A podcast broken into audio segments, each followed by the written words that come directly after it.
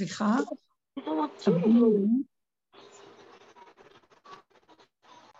מישהי שואלת כאן שאלה. מיכל, או מי זאת ששואלת כאן? רגע, אני אגיד לך. אה, רציתי לשאול איך, אסנת, איך אפשר להגיד אבא זה אתה כשמשהו עושה, משהו נוגד לחלוטין את ההלכה? היו פעמים שהרבנית אמרה שזה השד ולא השם.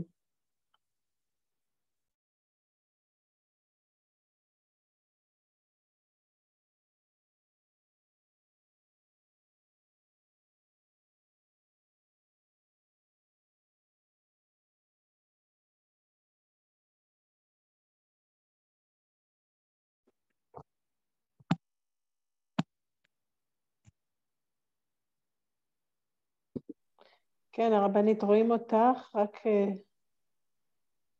המיקרופון שלך פתוח. רק רגע. כן, כן. שומעים? זהו, תשאירי ככה, שומעים ורואים, כן. אני אומרת, השאלה, כן, אה, אסנת שואלת בהודעות, רציתי לשאול איך אפשר להגיד, אבא זה אתה, כש, כשמשהו עושה משהו נוגד, נוגד לחלוטין את ההלכה. היו פעמים שהרבנית אמרה שזה השד ולא השם. מה זה השד? שנוגד את ההלכה או השם? או...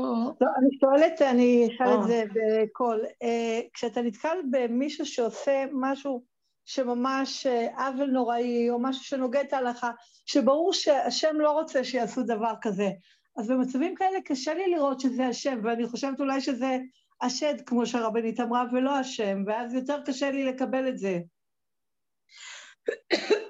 כאילו, השם הוא טוב, לא יכול להיות שהשם יעשה משהו כל כך רע. מאוד יפה, את שואלת שאלה טובה. אבל אנחנו, יש לנו עבודה מאוד מיוחדת. העבודה שלנו זה לא לראות חיובי שלילי, זה לראות שבשלילי זה השם, בחיובי זה השם. בחיובי אנחנו כבר רואים שזה השם. בשלילי נראה לנו זה לא השם. אז זה התודעה של העולם שאנחנו חיים בה, וכל היום אנחנו נלחמים ובוכים. איפה נעלמת לי? רגע היית ורגע הסתתרת. איפה אתה? למה אתה מסתתר? למה אתה פתאום נהיה חיובי, פתאום שלילי? ואז אנחנו מייחסים את השלילי לשד ואת החיובי להשם. העבודה שלנו היא שונה. זאת הייתה עבודת הדורות, וזו תוחלת ממושכה, מחלה לב, שגורמת לדורות חולי בלב, תמיד מתגעגעים, תמיד פתאום טוב, פתאום רע, כל רגע מתהפך. העבודה שלנו היא עבודה לרדת מתודעת עץ הדעת טוב ורע, מהמצב הזה של פעם שלילי, פעם חיובי. אני לא מאמינה לא לשלילי, כמובן, גם לא לחיובי, אבל אנחנו חיים בעולם, ויש רגע שזה שלילי ורגע חיובי, כי אנחנו במציאות העולם. אבל מה שהדרך שלנו מלמדת אותנו, זה שאני צריכה לדעת שהכל, הכל, הכל מאת השם יתברך. זה בן אדם שעושה כל מה שהוא יכול כדי לצאת מהתודעה, ועדיין מסביבו פעם חיובי, פעם שלילי. הוא בתוך תוכו כבר נהיה במקום אחר. אבל הסובב שלו, למשל, קורים הרבה דברים שליליים היום, פיגועים, כל מיני דברים. ואנחנו אומרים, איך יכול להיות? מה? אבל השם הוא הטוב המטיב, אבל אני רוצה להגיד לכם, בדרך שלנו הגענו לנקודה כזאת, שמה שאנחנו חושבים שזה השם, זה של עץ הדעת החיובי, והשם לא נמצא בעץ הדעת. החיובי הוא מחשבה יותר טובה מהשלילי בתוך העולם, יותר טוב להיות חיובי מאשר שלילי. אבל השם, כך אומר הנביא, לא מחשבותיי מחשבותיכם, ולא דרכיי דרככם נאום השם, כי גבו דרכיי מדרככם. זאת אומרת שהשם אומר, מה שאתם חושבים שאני זה ואני לא זה, זה לא אני בכלל. זה המחשבה שלכם, של העולם, שחושבת עליי, אבל אני מעבר לכל זה. וזה הנפילה של האדם, כי הוא מייחס להשם את ההיגיון של עצמו. הוא חושב על השם כמו שהוא חושב, ואז הוא אומר, זה השם. אבל את צודקת, הלוא השם נתן לנו תורה. התורה, היא נפלה לעץ הדעת. והיא נותנת לנו תורה שתעזור לנו לחיות בחיובי-שלילי של עץ הדת, ומזיזה אותנו מדברים שליליים, ונותנת לנו תמריץ לעשות דברים חיוביים. אבל עדיין זה תורה של עץ הדת, ומציאות השם באמת מסתתרת מאוד מאוד בתוך זה, אבל זה לא גילוי השם. אז מה נעשה? בגלות אנחנו עושים את הטוב, מקיימים את החוקים. רבנית, סליחה, את יכולה ללכת טיפה אחורה? סליחה שיראו אותך, כי לא רואים את הפנים שלך. כן, ככה. תודה. אני צריך לראות את הפנים. לא, רואים אה, חצי, ככה ש... אני אומרת, אני משתמשת בטלפון הרגיל כי אין לי טאבלט. אז אני אומרת שהתודעה שלנו פה, אין בה השם, יש בה חוקים, והרבה פעמים נכנסים הדמיונות שלנו בתוך החוקים, ומייחסים את זה להשם. החוקים הם יוצאים מהתורה העליונה, לא זכינו לקבל אותה, הלוחות הראשונים נשברו, ואנחנו מקבלים את תורת הלוחות השניים, תורת משה נקרא, ואנחנו מתבקשים לא לדמיין מה זה השם, רק לקיים חוקים. אז עכשיו, כשאת רואה שיש שלילה, את אומרת לעצמך, אני לא רוצה לקיים שלילה. אני רוצה להיות, לעשות את מה שהשם אומר לי. אבל אין לי שליטה על מה שקורה מסביב. בשביל זה יש בתי דין, ובשביל זה צריך ללכת לבית דין, אבל אני בעצמי לא רואה, אני לעצמי לא הייתי מתנהג כך, אבל בוא נגיד שאני לעצמי גם נופל. נופל. אז מה אני עושה? באה הדרך שלנו ואומרת, גם זה שנפלתי זה גם כן הוא. וגם זה שהשני עשה שלילה זה גם כן בורא עולם. אבל בורא עולם לא רוצה שנעשה שלילה. אז אנחנו אומרים כך, בורא עולם מסובב סיבות שהן מנסות את הבני אדם. האם אנחנו נעשה שלילה או חיוב? ואם עושים שלילה, אז הבורא עולם מנסה אותנו, האם אנחנו נשברים, או אנחנו אומרים, גם אתה שם נמצא. אנחנו כבר עוברים למצב של אמת יותר מצדק וחיוביות, אמת יותר גדולה. יש דרגה של אמת לאמיתה, אבל בוא, הלוואי ונלך על האמת. מה האמת? שגם בטוב וגם בחיובי זה תמיד אתה, דרך הסיבות.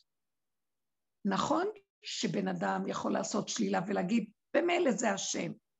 אז זה לא נקרא.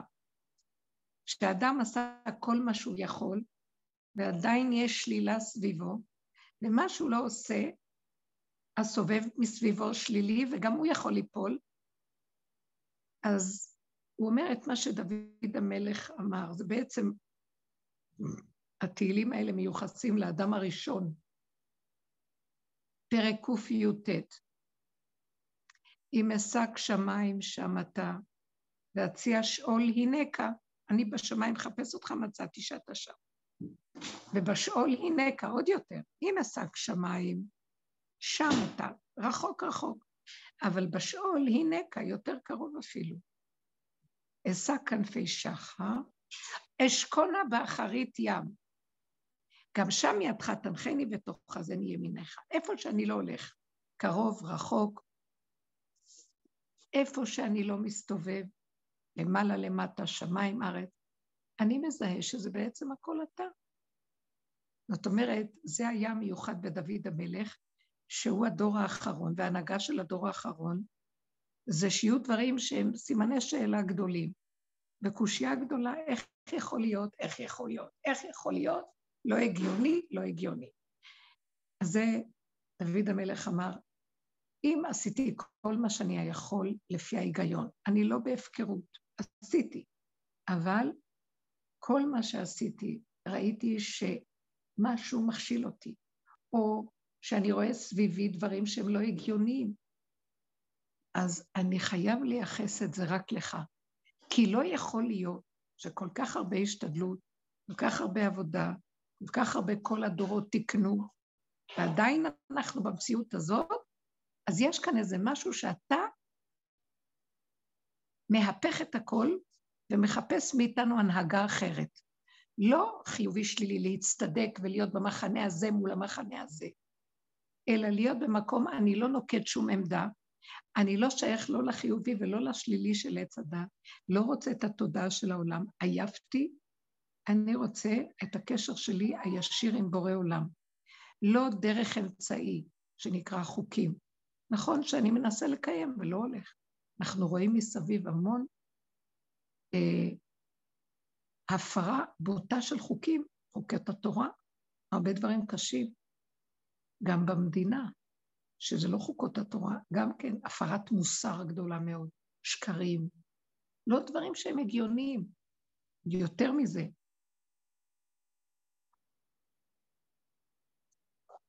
מה כל הפיגועים האלה, ואיך יכול להיות שהמצב שלנו זה שאנחנו כביכול מופקרים, כל אחד יכול לראות בנו, מה זה פה? אדם מתהלך לו, נוסע ברכב, פתאום יורים עליו. מה, אין כאן הנהגה? מה, אין השגחה פה? מה? קודם כל אנחנו שואלים את המדינה, אבל יותר מזה עכשיו נשאל דבר אחר. איך יכול להיות שיש כביכול מדינה, מוסדות, סדר, תקציבים, מיסים שמשלמים אזרחים, ושום דבר לא ברור וכלום לא מוגן? תקשיבו, אין טענה כבר על אף אחד. זאת הנהגה שיש עליה סימן שאלה. אז אני אומרת שזה בורא עולם. זה בורא עולם. הוא מטלטל את עולמו ומסדר, זאת הנהגה קשה, אבל היא הנהגה של אמת ואמת לאמיתה. מה שאנחנו רואים זה לא מה שהוא.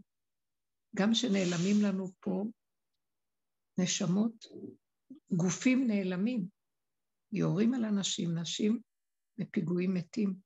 הם לא מתים, הם אצל השם, וכאן זה רק אשליה. נכון שאנחנו לא רוצים שזה יקרה, אבל הוא מעורר אותנו למשהו אחר. הוא רוצה אותנו להפסיק לקדוח במוח שאלות, תשובות, קושיות, הסברים, הבנות, השגות. הוא רוצה שאנחנו נעלם דומייה ונשתוק. מתחיל להגיע הנהגת העין, נכנסת לאזור שלנו. הנהגת העין זה אין דעת, אין שכל, אין היגיון, אין הבנה ואין השגה. אין מאיתנו יודע למה. למה לא נשמע פה בכלל? זו הנהגה של איפה שנגמר השכל, יש שקט. מתחילה אמונה. השכל גועש, רועש, הוא מחלק את המציאות לחן חיובי, שלילי, נכון, לא נכון, מותר אסור, כשר פסול.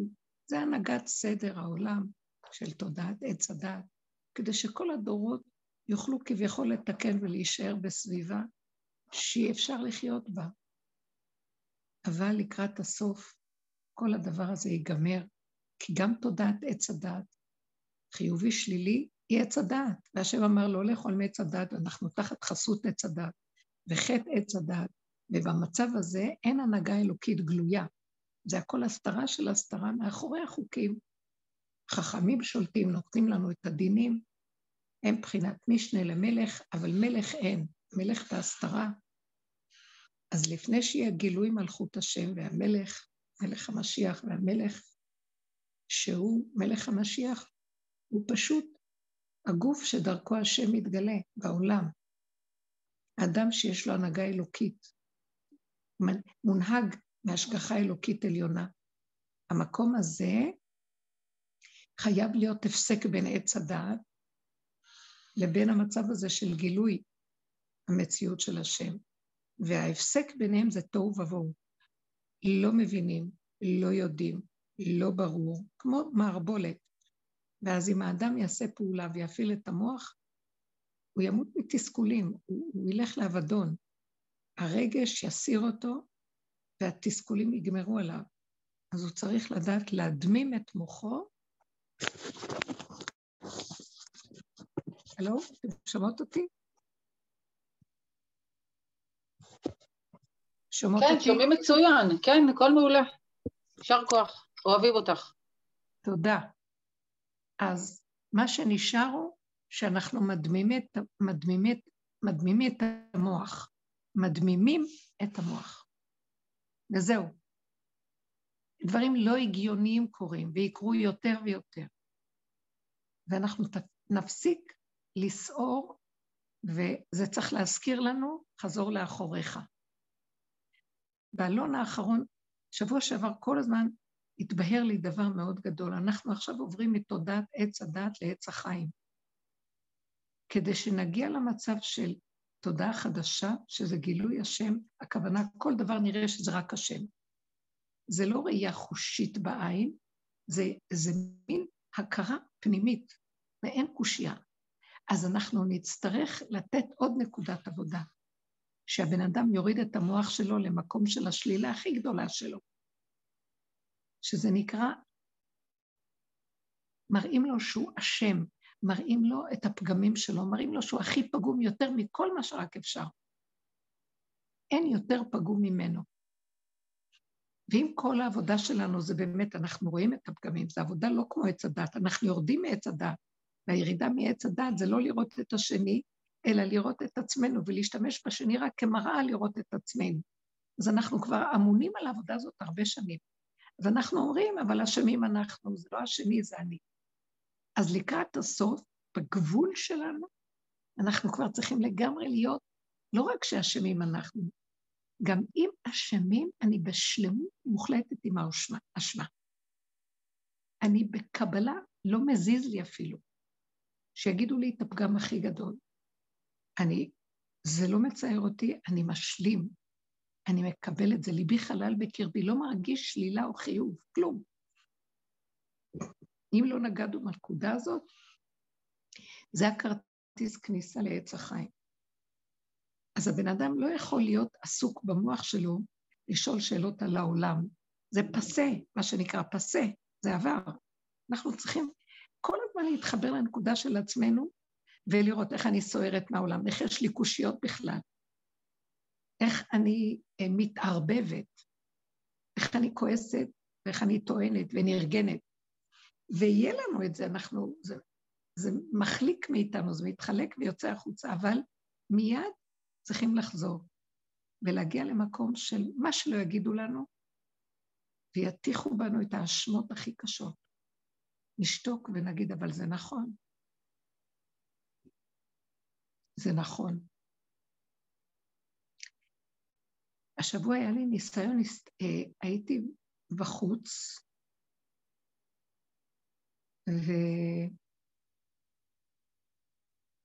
וממש ניסיון כזה לא פשוט. עברתי ברחוב, והייתה שם, אה, היה שם איזה איש שקילל קללות נמרצות, ולא היה ברור את מי הוא קילל, הייתה שם לידו איזו אישה, ולא ברור שהוא קילל אותה, כי היא אחרי כמה זמן הלכה. ואני במקרה עברתי שם, והיה נראה שהוא מקלל אותי. קללות נמרצות, מזעזעות. אבל הוא לא באמת התכוון אליי, כאילו, הוא, הוא קילל. ועכשיו, אנשים ברחו ממנו, אבל פתאום משהו הרגיש לי שאני נעמדתי רגע ושמעתי, ופתאום קלטתי שבעצם אפילו אם הוא לא יודע מי אני ולא מתכוון אליי, אבל השם אומר לו לקלל אותי. וזה לא, מש... לא סתם שעברתי שם, זה לא חשוב שהוא לא התכוון אישית אליי, אבל אני, הייתה לי תחושה ששולחים אותי למקום הזה כי הדברים מכוונים אליי. ואני אגיד לכם, זו הייתה חוויה לא פשוטה, כי זה היה נראה כאילו עכשיו כולם הסתכלו ויראו כאילו אני שייכת למצב הזה, והאיש הזה בעצם מחפש אותי והוא טוען עליי את מה שהוא מקלל.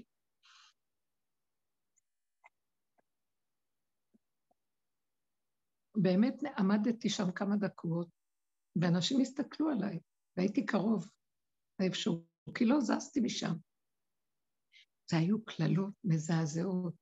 אני לא יודעת, אני לא יכולה, אני לא יכולה, לא יכולה אפילו לפתוח את הפה להגיד אותן. ומה שאני יכולה רק להעביר לכם מה עבר עליי, למרות שהוא לא דיבר ישירות אליי, אלא למשהו שהוא סתם, הוא כנראה לא מאה, אני לא יודעת מה הוא. ואז ראיתי שאני לא נפגעת, ואני עומדת שם ואומרת, אבל נכון, אבל, אבל, אבל זה נכון, אבא. אבא, זה נכון. כל מה שהוא אומר כאן זה נכון. זו הייתה חוויה מאוד מעניינת, שלא הרגשתי מאוימת אישית, לא הרגשתי שנקלעתי לאיזו זירה משונה. לא יודעת להסביר את זה. כאילו זה היה טבעי, ואפילו לטובתי גדולה מאוד. ואז הגיע האוטובוס שהייתי צריכה לעלות עליו, אז לרגע אמרתי, טוב, אני ארוץ להשיג אותו, זה היה כמה אה, צעדים מהתחנה, והוא התחיל לרדוף אחריי, ואני בורחת, עכשיו באמת כבר ברחתי לאוטובוס. אבל אני התכוונתי לנסוע לאוטובוס, לא לברוח ממנו, אבל הוא רודף אחריי, וככה עליתי לאוטובוס. וכשהוא רדף אחריי, כולם הסתכלו עליי, מה הסיפור ביניכם פה? ואז, אבל גם זה לא היה אכפת לי. זה רק כמובן המוח שלי אומר לי מה הם חשבו. אבל אני הודיתי להשם כל כך, כי הרגשתי שנכנסתי לאיזו חוויה שהוא הביא אותי למצב של לבדוק איפה אני עומדת. וכל מה שיכולתי להגיד זה כל אשמה שהטילו בי שם, כבר מילים קשות, זה היה נכון, הסכמתי. הסכמתי, הסכמתי, הסכמתי והסכמתי. כאילו זה לא, שום דבר לא נגע לי רגשי. נכון שהוא לא דיבר ישירות אליי, אבל משהו, חוויה פנימית מאוד שהבנתי שהשם רוצה, שהשם, עכשיו תקשיבי, זאת ששאלה את השאלה, איך יכול להיות שרואים דבר כזה שלילי? מה, השם רוצה כזה דבר? הוא קילל קללות קשות, קשות, קשות, בוטות, מעליבות, פוגעניות. אף אחד לא היה עומד בזה. אבל אני, בתוך, כש, כשעמדתי, כשמעתי אותו, אבל זה נכון, אבל זה נכון. כל מה שאמרו שם, הכל נכון. בלי שייכות רגשית. והרגשתי שזה מה שרוצים ממני, כרטיס כזה למקום של... אה, זה מאוד מעניין, באמת, עכשיו אני נזכרת, שזה היה ליד מקום שהיה שם תלמוד תורה שנקרא, היה שלט או ישיבה, לא יודעת מה זה היה, ישיבה כנראה, שנקרא עץ חיים. מקום בירושלים. וזה היה, עכשיו אני נזכרת, זה מאוד מעניין עכשיו. אז אני רק אומרת שמה שכל השבוע אני חווה זה לא רק שם, בכל דבר, שהשם רוצה מאיתנו מקום שלא אה, נתרגש משום שלילה. קודם כל, השיוך האישי כבר לא מה שהיה פעם, כי כל הישות הזאת נופלת. אנחנו תשושים, אנחנו מוכים גבוליים. אין תחושה של ישות עצמית, יש כמובן עוד לאדם, אבל היא ברמה אחרת, שכבר גם לא אכפת לנו להודות, כי זה באמת, ההודעה על האמת היא כבר לא מלחמה כמו שהיה פעם. אין דבר יותר גדול מאשר להודות על האמת, ביני לביני. וגם אם זה אנשים מסביב, אבל השם ריחם, אני ראיתי שהכל היה, זה מאוד ברחמים הכל, כל מה שקורה. אבל בכל אופן אסור לנו להזדעזע מכלום, וזה, תבחנו את עצמכם.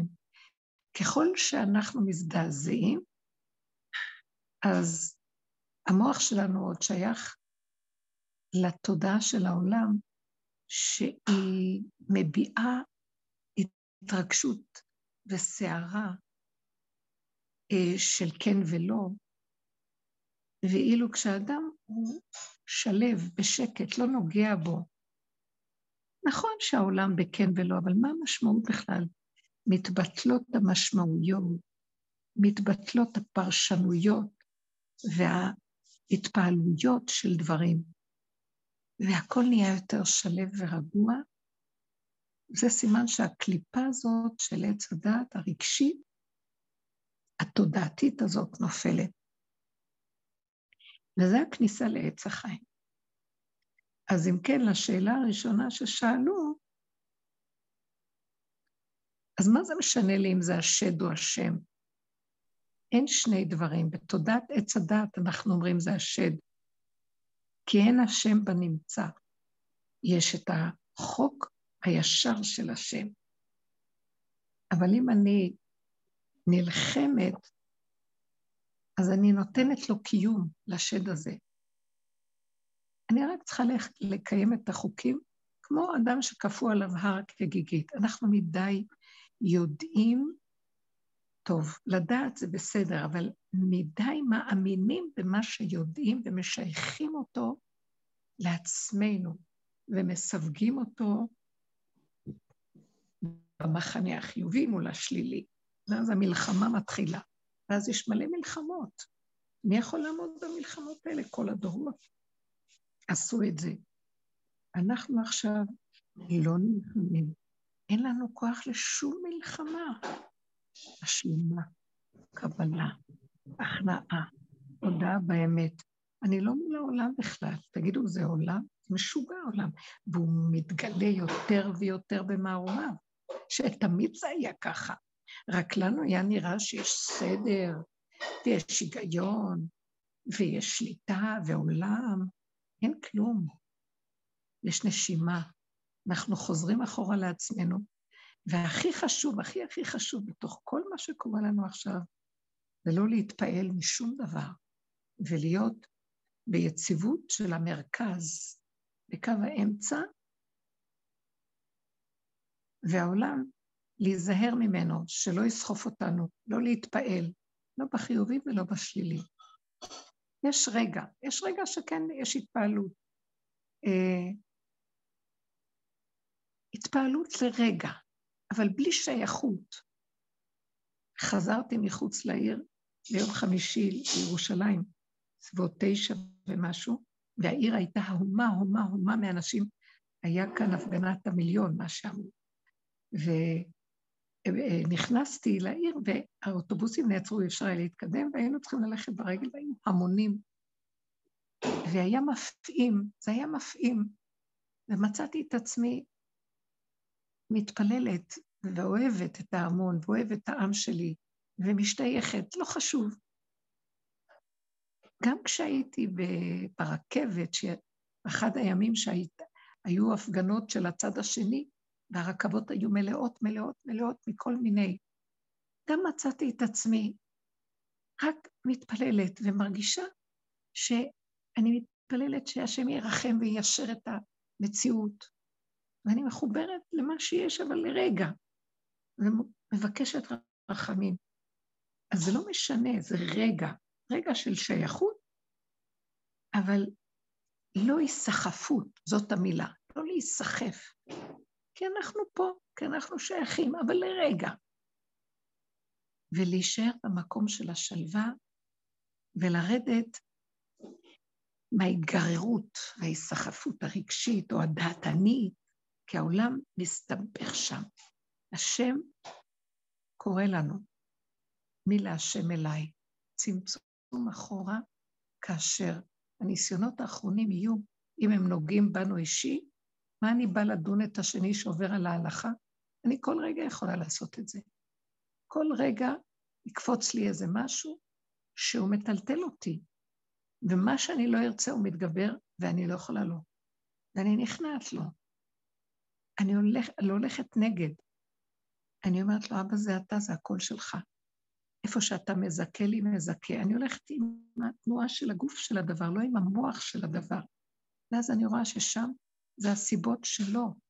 הוא מוביל את האדם. זה לא כמו שהמוח שלנו בכל הזמנים הוביל אותנו, זה מוח מסודר. כשאין השם יש מוח, אבל כשהוא מתחיל להתגלות בסיבות, אין לך בחירה, אין בחירה. זה משהו שלוקח ומביא, ולרגע עובר ולרגע נעצר. לא לדון, לא את עצמי, כמובן לא את השני, ולא לשפוט. ולא לקטלג בני אדם, ולא כלום. לא להרים את הראש ולראות מרחב. כלום. קטן וצמוד אליי.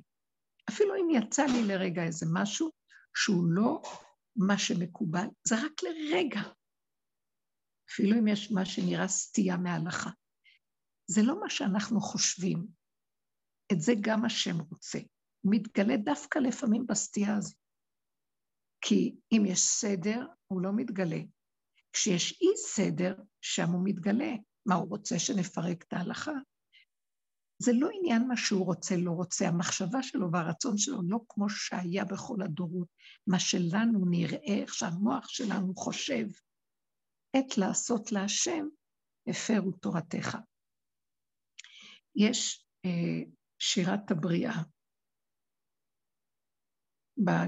החז"ל אומרים בגמרא, שההנהגה של הגלות היא הלוואי אותי עזבו ותורתי שמרו.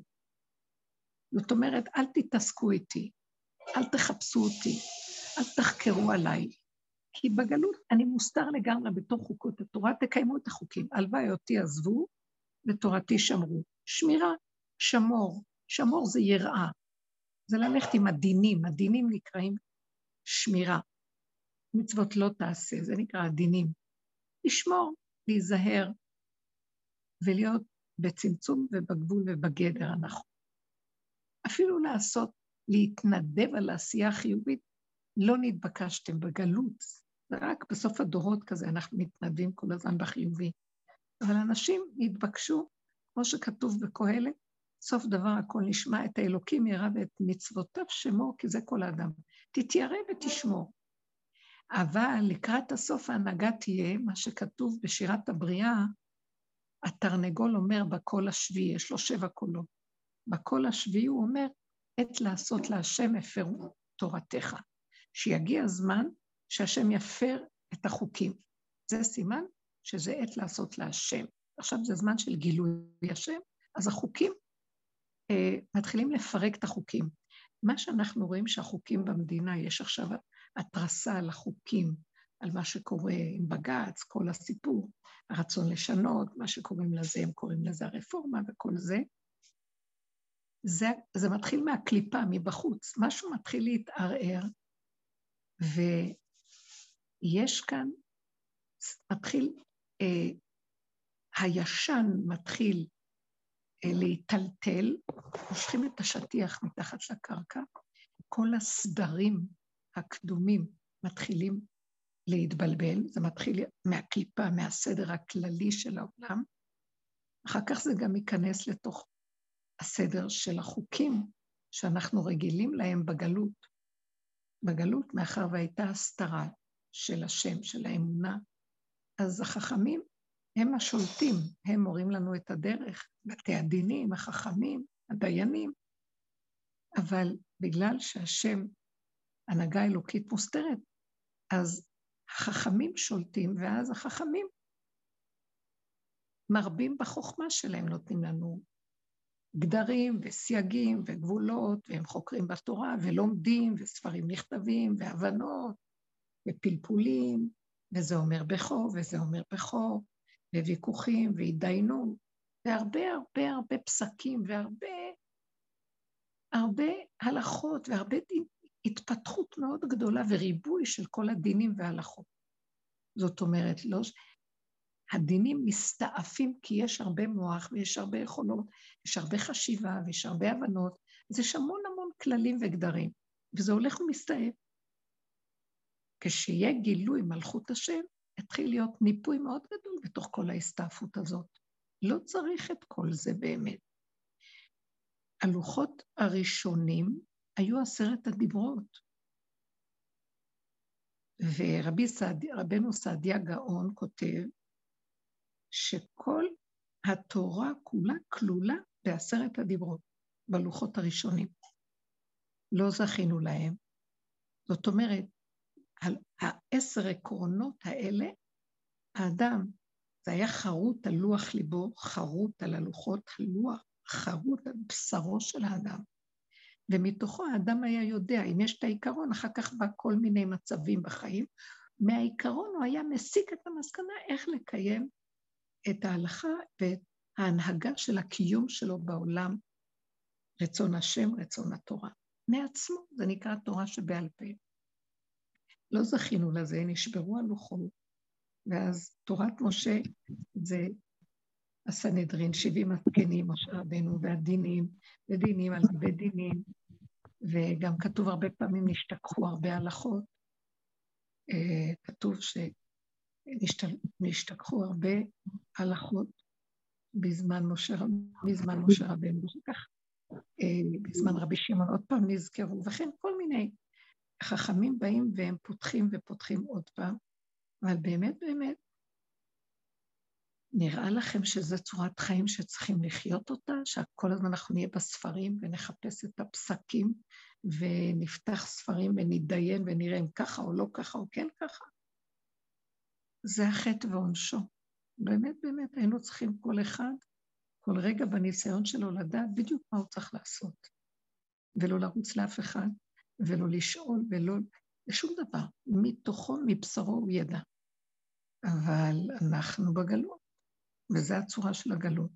לקראת הסוף, מה שאומר התרנגול בקול השביעי, עת לעשות להשם, הפרו את סוג התורה הזאת. זה לא שהתורה מופרת, חלילה. גם לא תהא מוחלפת התורה הזאת, כמו שכתוב בי"ג בעיקרי האמונה.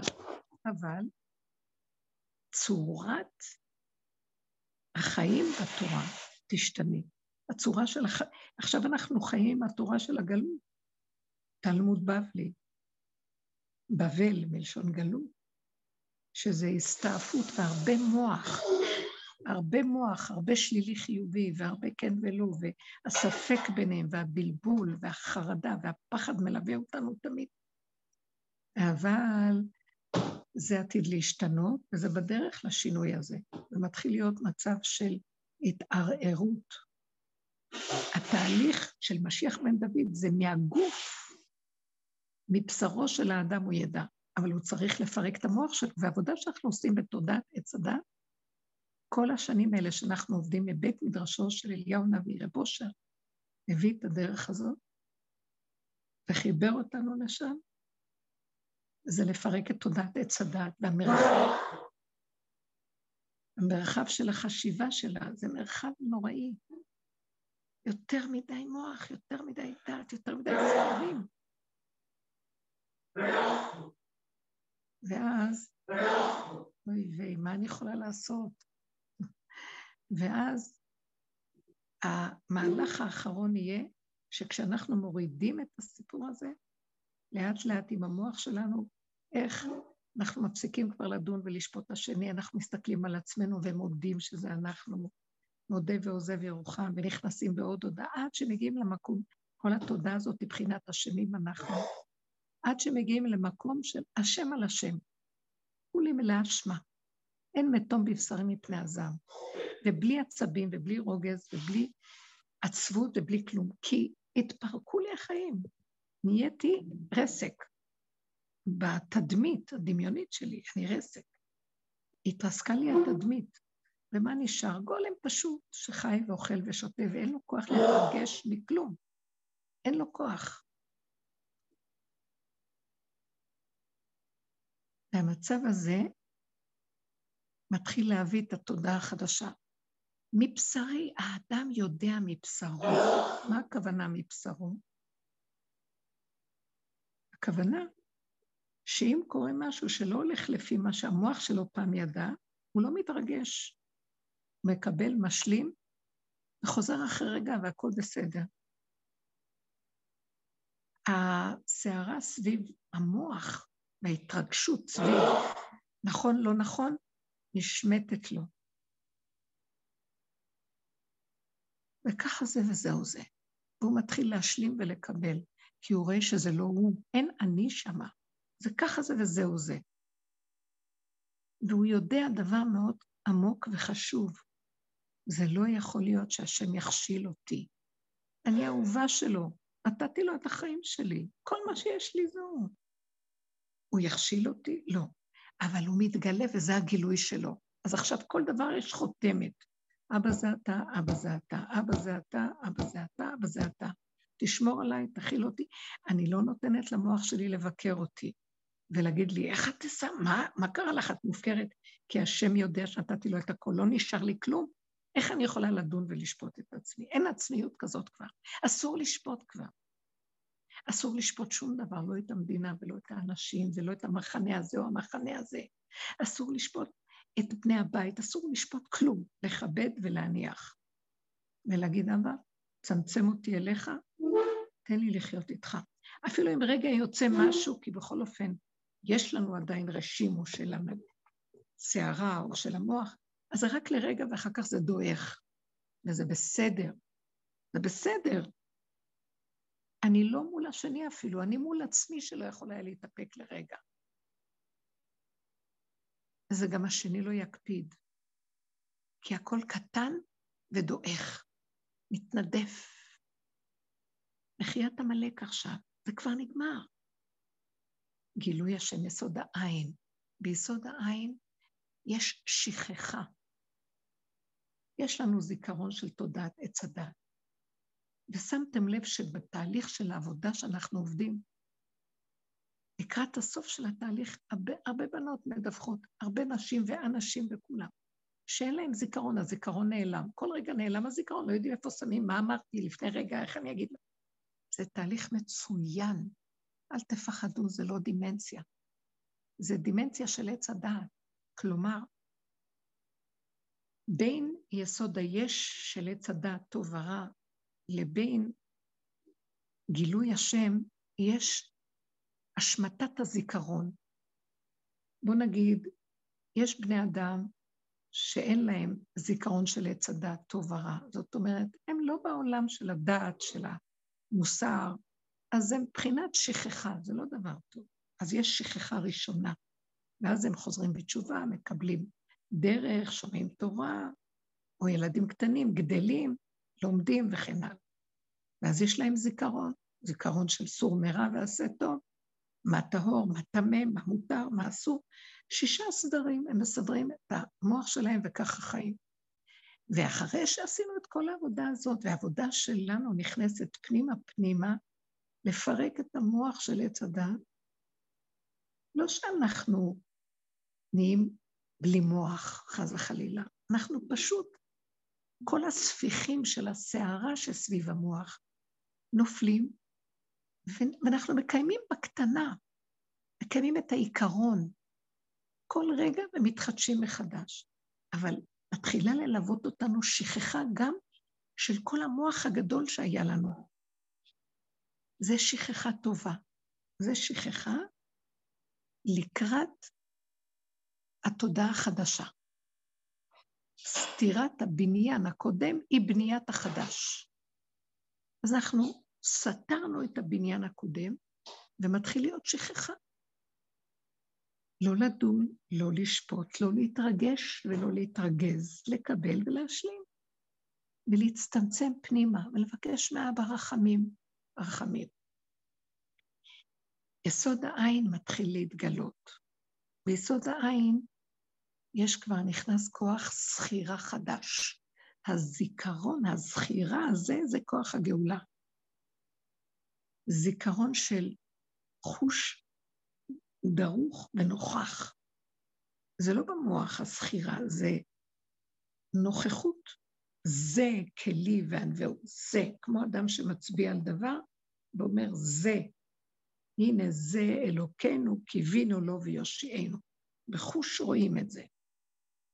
זה זיכרון בבשר, זה מצב חדש.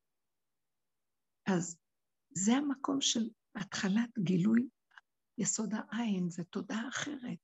משיח בן דוד הוא יסוד העין. הוא מתגלה ונעלם, מתגלה ונעלם. זה לא הוא מתגלה בבשר, הכוונה. תודעה שלו היא קיימת ואחרי רגע אין, ואחרי רגע קיימת ואחרי רגע אין, ואחרי רגע קיימת ואחרי רגע אין, ולא מתרגשים. זה סימן של התחדשות. זה כתוב בכל רגע, כתוב בכל יום מחדש מעשה בראשית. בכל, מחדש בכל יום בטובו מעשה בראשית. אז חז"ל אמרו בכל רגע. אז כל רגע מתחדש והלך הישן, מתחדש והלך הקודם. תודה יפה, נקייה. זה תודה של שלום, כי אין שם צבירת חשבונאות, אין שם נקמנות, אין שם רוגז, אין שנאה ואין קנאה, ואין תחרות ואין מלחמות. יש פשוט רגע, התבוננת על מקומו ואיננו. אחרי רגע, בסדר. אז רגע, הכל נמדד לפי רגע. אז uh, יש לי איזה מישהי שהיא נורא מתוקה ואני אוהבת אותה, מבני המשפחה. אז uh, היא כזאת תמימה, וכשאני קוראת לה בשם, אז אני קוראת לה עם, uh, נניח, uh, לא רוצה להגיד את השם, נניח שרה ל. אני קוראת לה במקום שרה, שרה ל. אז uh, פעם היא אמרה לי, מי שבאמת אוהב אותי קורא לי ל. בתמימות כזאת. אז אני אמרתי לה, תדעי לך שאין אחד שאוהב אותך באמת. יש רגע שיכול מישהו לאהוב אותך, וברגע הזה הוא קורא לך שרה ל. אז היא הסתכלה עליי ככה. אמרתי לה, אין כזה דבר של תמידות. כי זה רק רגע.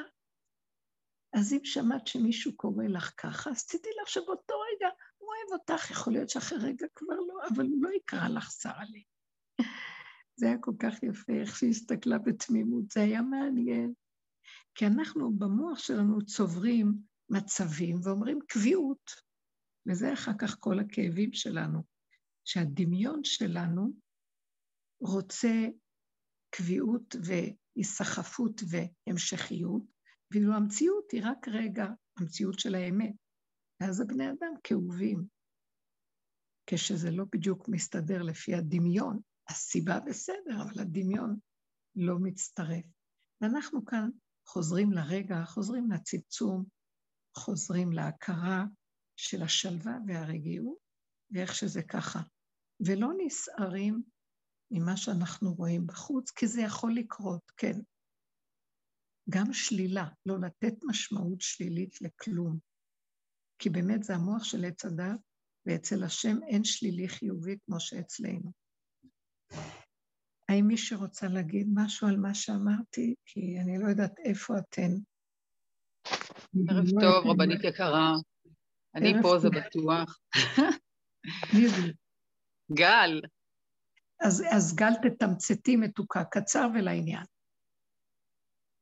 אני, אני, כלום לא אני. שאלה. לא, לא סיפור, אין לי, זה העניין, ש, שאני כבר די. אני אומרת, אולי מותר לנו לפרוש מהעולם? מותר לנו... רגע, רגע. להתחבא באיזה מערה ולהפסיק להתמודד עם... זה פשוט בלתי אפשרי.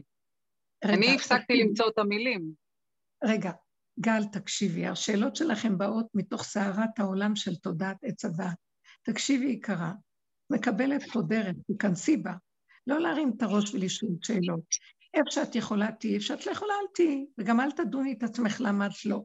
כי אין כזה דבר כן ולא. יש רגע, רגע שאת רואה שאת לא עומדת בסערת העולם, למה את צריכה לעמוד בזה? טיפש מי שעומד בסערת העולם.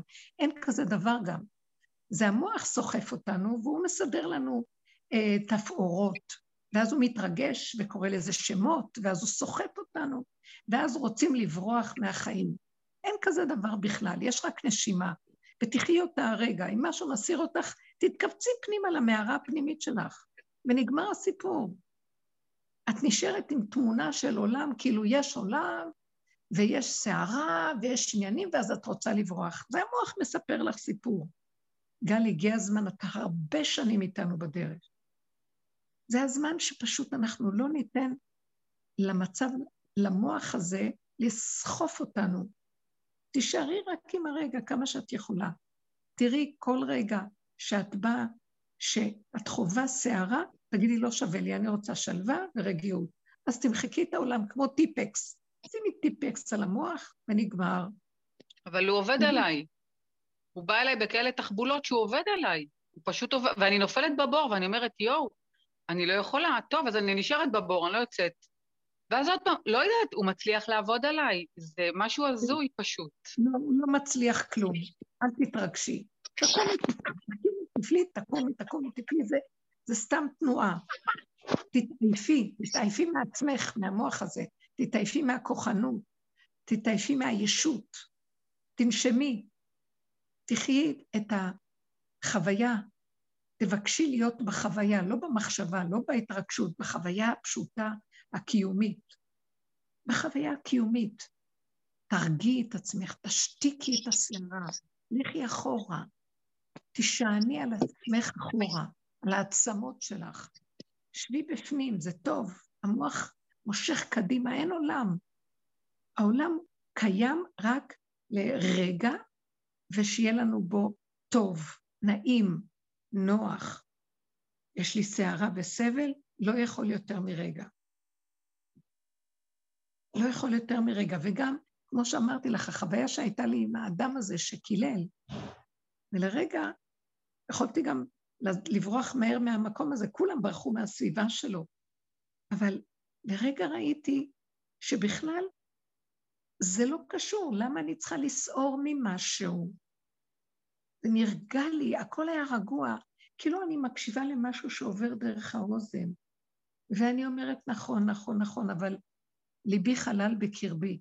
תביאי את מציאותך לחלל. אל, זה, אם לא זה כאבים, כמה את יכולה לסבול? תחוסי על הנפש. תתרחקי מהמקום של הסערה, אם זה בפיזי ואם זה בתודעה שלך. כאילו תעשי, תעפעפי והתבוננת על מקומו ואיננו. תסיכי את הדעת לרושם אחר, למציאות אחרת. חבל על הכוחות. תהיי במקום של התחדשות, ותפסיקי לתת למוח לרחם על עצמך, ליילל, להתלונן על השני, על השלישי, על הרביעי, על החיים, אה, להרים את הראש ולעשות השקפה ולתת לה כותרת. אין כלום, אין כלום, אין כלום, אין כלום, אין כלום, הכל הבל. גם כל מה שאדם עושה אין בו ממש. אולי דברים הכי קטנים, חבל גם לעשות פעולות יותר מדי. בשביל מה? הכל חוזר, אין כלום, אין, אין תכלס בכלום.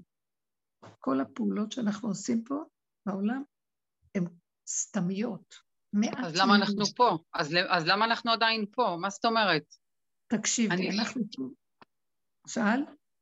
אנחנו פה כדי להיות צינור שדרכו יתגלה האור של האמת. אנחנו רק צריכים להיות צינור, והשם דרכנו פועל. אבל זה פועל דרכנו. זה לא. פועל, אנחנו פועלים את זה, זה קורה. רגע, פעולה שדרכנו נעשית, אנחנו נדע שזה לא אנחנו, והיא פעולה קטנה, והיא פעולה שעושה הדים, והיא עושה אה, דבר טוב בעולם. אני לא דיברתי על פעולה כזאת שאנחנו צינור.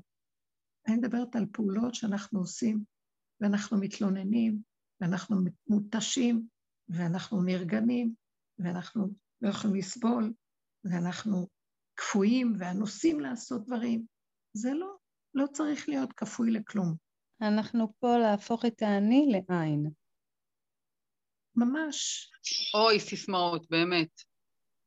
מה זה להפוך את האני לעין? אם מישהו מבני המשפחה שלך, חס ושלום, היה האיש הזה שאמר את הדברים האיומים האלה, איך היית מגיבה? היית מקבלת, היית אומרת, לא, כן, הכל נכון, אתה צודק, ככה בכזאת קלות? איש ברחוב שאומר כאלה דברים, אני לא מתייחסת אליו בכלל. אבל אם זה מישהו שהוא יקר לי ואני אוהבת, אומר לי כאלה דברים איומים, מה אני? אין לי מציאות בכלל, אני מתה על המקום. אז אני באמת לא מצליחה להבין, כי אני לא יודעת מה איתכם, אני לא שם. זה קשה מדי, זה לא נורמלי. טוב, זאת היקרה שלי. אני מתפלאה איך כל כך הרבה שנים את עוד עם הדרך. לא לכל אחד זה מתאים, את יודעת? זה לא, זה לא אני בכלל, זה השם, זה בדיוק מה שאני כל הזמן אומרת, זה לא אני. זה רק הקדוש ברוך הוא יכול להגיד, להכניס דרכי דברים כאלה ולהגיד לי, את לא יכולה. אבל את גם צריכה לעמוד איתן, כי אני צריך אותך.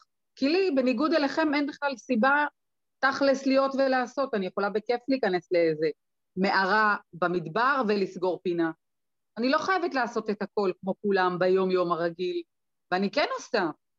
כי יש לי פה שליחות, אבל זה מגיע למצב שזה פשוט לא נורמלי. אה, תקשיבי רגע, את סוערת מדי, ואת, אה, אני, אין לי כוח, את מתישה אותי, גל. שמעת אותי? טוב, סליחה. כן, סליחה, כן. לא הייתה לי כוונה כזאת. לא, לא, לא יכולים להגיד זה לא נורמלי. ככה זה וזהו זה. הכנעה, תני הכנעה.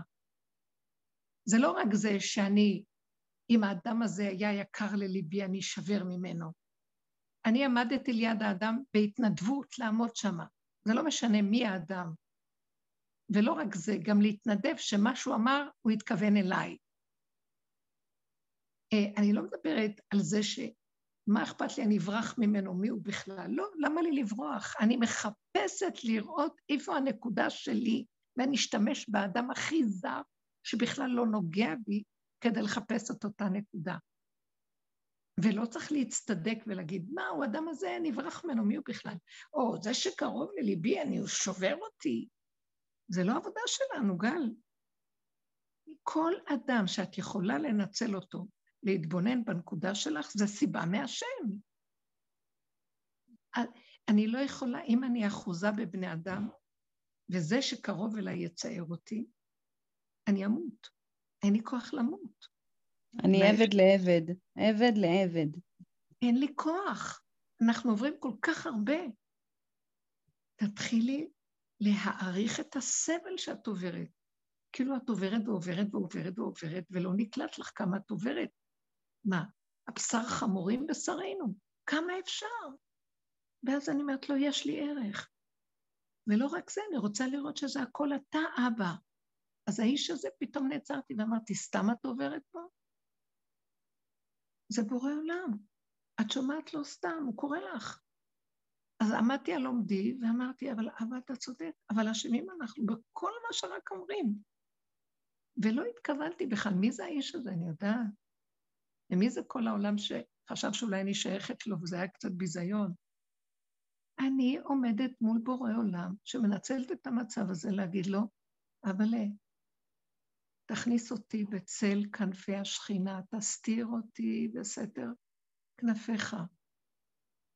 תסחוך עליי בנני כבוד. אני לא יכולה לסבול את הכאבים של החיים פה כבר.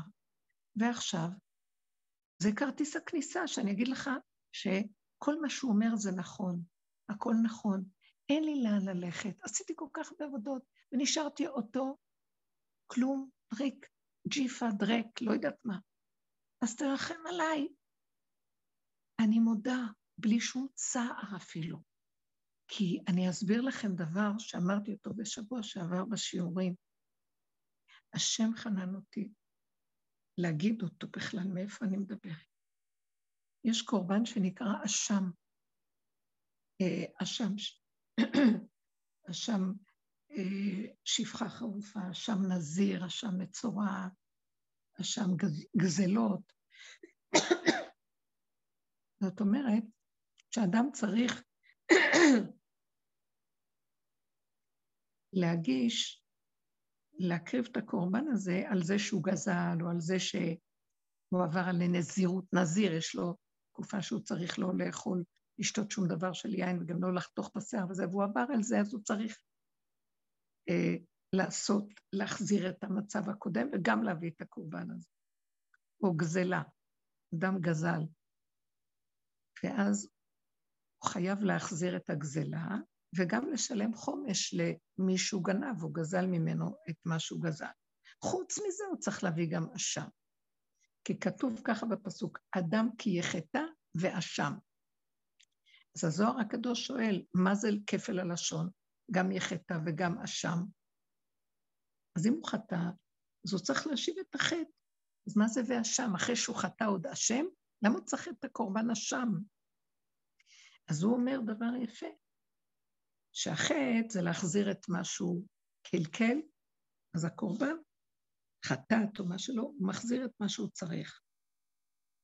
חוץ מזה, בינו לבין השם הוא נקרא השם, האשם מול השם. ואז אני התבוננתי בזה ואמרתי, מה שלא נעשה תשובה פה, בהתחלה התשובה של סור מרע ועשה טוב, מה שאמרה בהתחלה זאת ששאלה שיש הלכות ויש דברים שצריך לעשות, אז אנחנו משתדלים ללכת בהלכה ולסדר, ואחרי תכלות הכול, מה שלא עשינו. עדיין אנחנו בעבודה שלנו, שאנחנו עובדים בעבודה הזאת של הבושר, אנחנו רואים שאנחנו, אחרי שאנחנו צדיקים, אנחנו רואים כמה אנחנו פגומים וכמה אנחנו אשמים.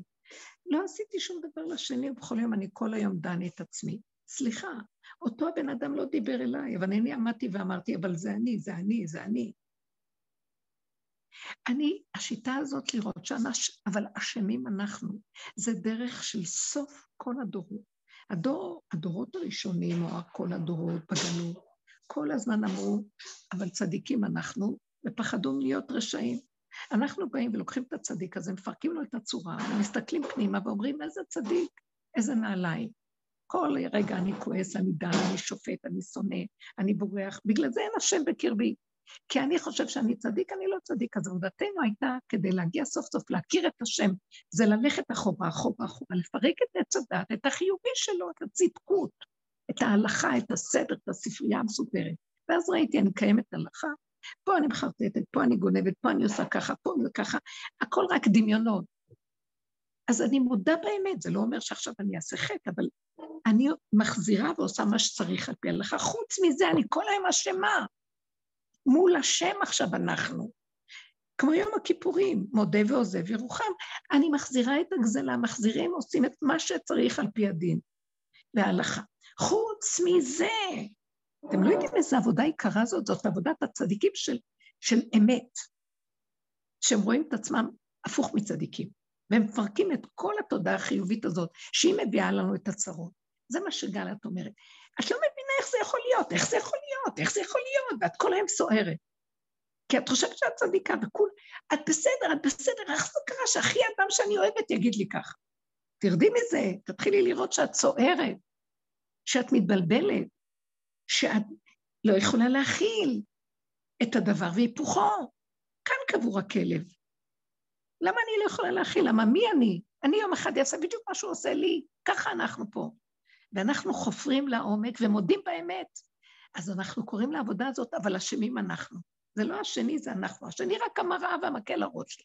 עד שמגיעים לגבול של הגבול של הגבול, שאחרי כל העבודה הזאת שעשינו, ואשמים אנחנו, וכבר אין לנו כוח, אני עוברת ברחוב ואני שומעת קללות מזעזעות, ואז אני אומרת לעצמי, אבל זה בדיוק מה שאני. הוא קילל, לא יודעת, הוא קילל כנראה מישהי במוח שלו, הוא כנראה לא יודעת מה.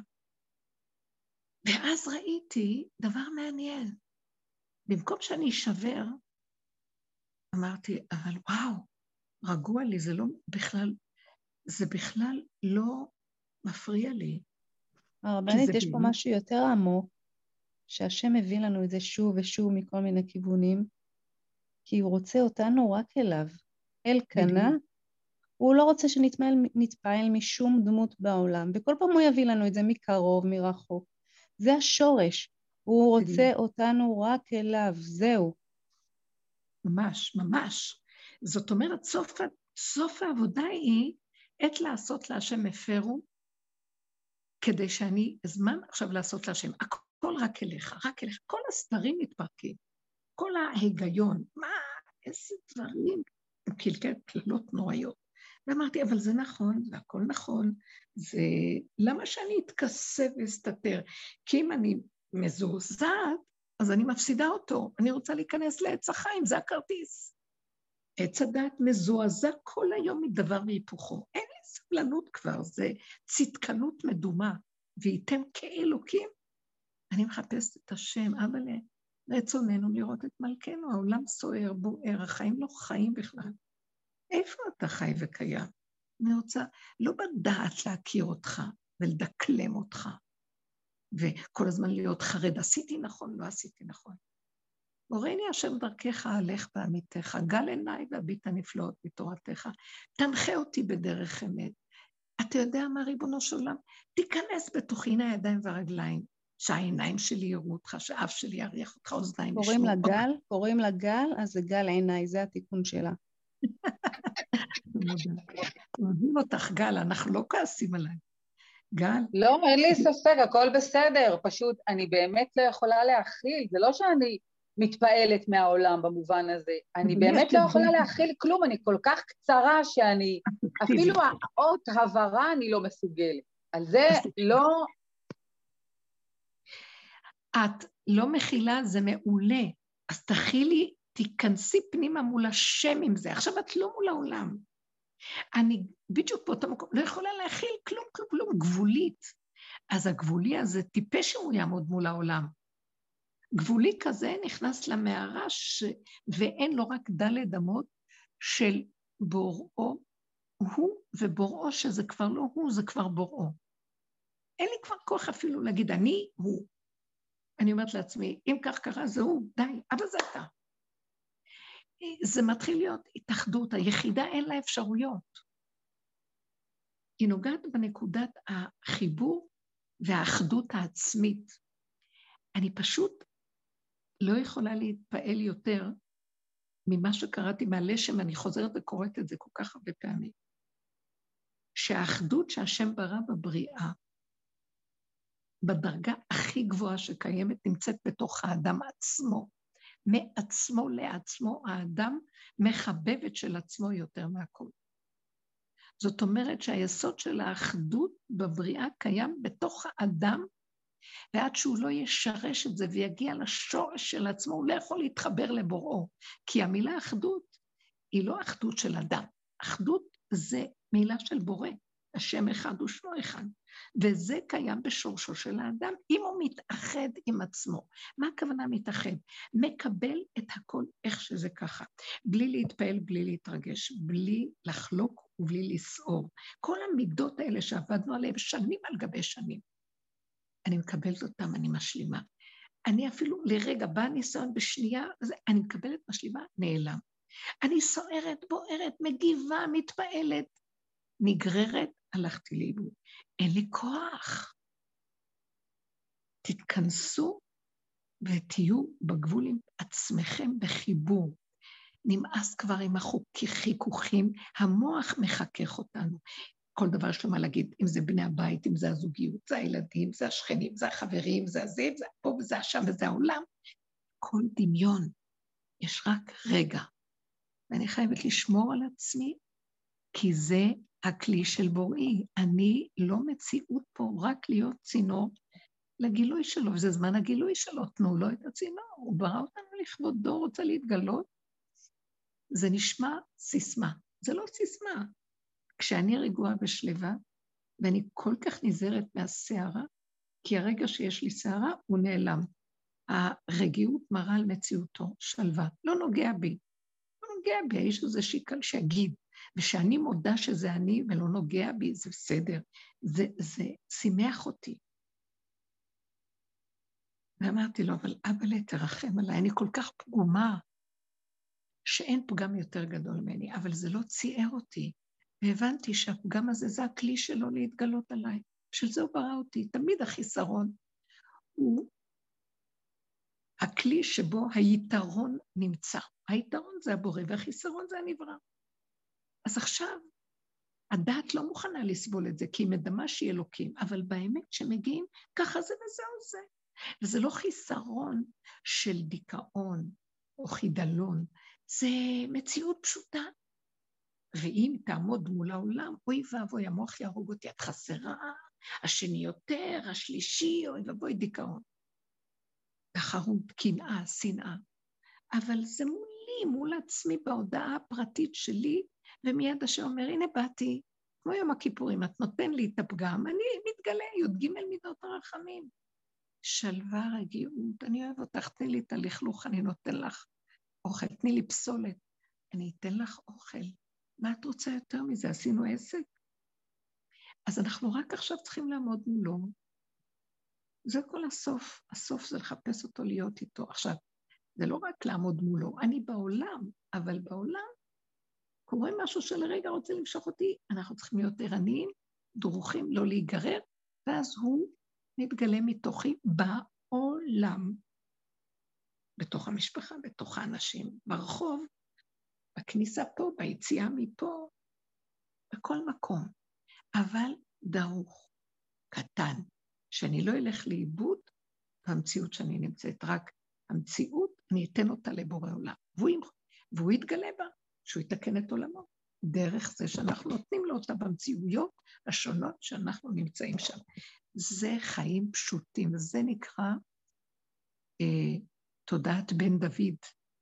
הוא בעולם, אבל בקטן, וזריז, ודרוך. הוא לא מחוץ לעולם, ואמת. לא ריחוף ולא בריחה ולא מערה ולא כלום. בתוך העולם הוא במערה. רגע אחד ורגע אחד, ורגע אחד ורגע אחד, ועוד רגע. ושם השם מתגלה דרכו כל רגע, והוא מתקן את העולם, והעולם צריך אותו, אבל הוא מוסתר. הוא מוסתר מהעולם, כי רגע הוא התערבב עם תודעת העולם, הלך עליו. הוא פשוט, השם ייעלם ממנו, אז הוא חי את סכנתו. ואנחנו משתדלים להגיע למקום הזה ולתודעה הזאת, וזה צריך להיות בהעלמה, בהסתרה, בשקט, בקטנות. בשקט, בדממה, לא צריך הרבה דיבור שם ולא לגלות ולהתרברב ולהגיד, זה לחיות, באמת. והעיקר, יש שם חיים טובים. כי מי שחי במחיצה של הגילוי שלו, טוב לו, שמח לו. לרגע, הכל טוב בצמצום קדוש. וזאת האמת שאנחנו מדברים עליה, ואנחנו מתחילים לנגוע בנקודה הזאת. וחשבתי על זה שאנחנו אומרים כל הזמן בתודעה של עץ הדת הדתית, החיובית, השם, השם. אנחנו קוראים לבורא עולם השם. וכשאני אומר השם, הפכתי את הה' לאלף. שמתי את אלופו של עולם בתוך המציאות של השם. כי השם זה השם של הבריאה, וזה גם השם בהסתרה, כי אני לא יודע מה הוא. אבל כשאני אומר השם, לקחתי את המילה שם, שזה המהות של הדבר, והודיתי שאני השם, א', מיד מתגלה אלופו של עולם. יסוד העין מתגלה. כי מי שאשם לא הולך עם ראש בעננים, הוא הולך עם... Uh, ככה אני. הוא לא הולך עם סיפוקים ומתפוצץ מריגושים. בהדממת הנפש. שם באלף הזאת נמצא חי וקיים, אלופו של עולם. וזאת כן. מציין. ושבעזרת השם נזכה להיות כלים לגילוי שלו יתברך, באהבה, ברחמים, על כלל ישראל וכלל העולם גם כן. כולם צריכים כבר גאולה, שנזכה. להיות כלים מעשיים לגאולה. תודה רבה לכם. תודה לך גם, תודה לכולם. בימים הבא. תודה לך, רבנית יקרה. שבוע טוב, בשורות טובות. שבוע טוב. שבוע טוב. ביי.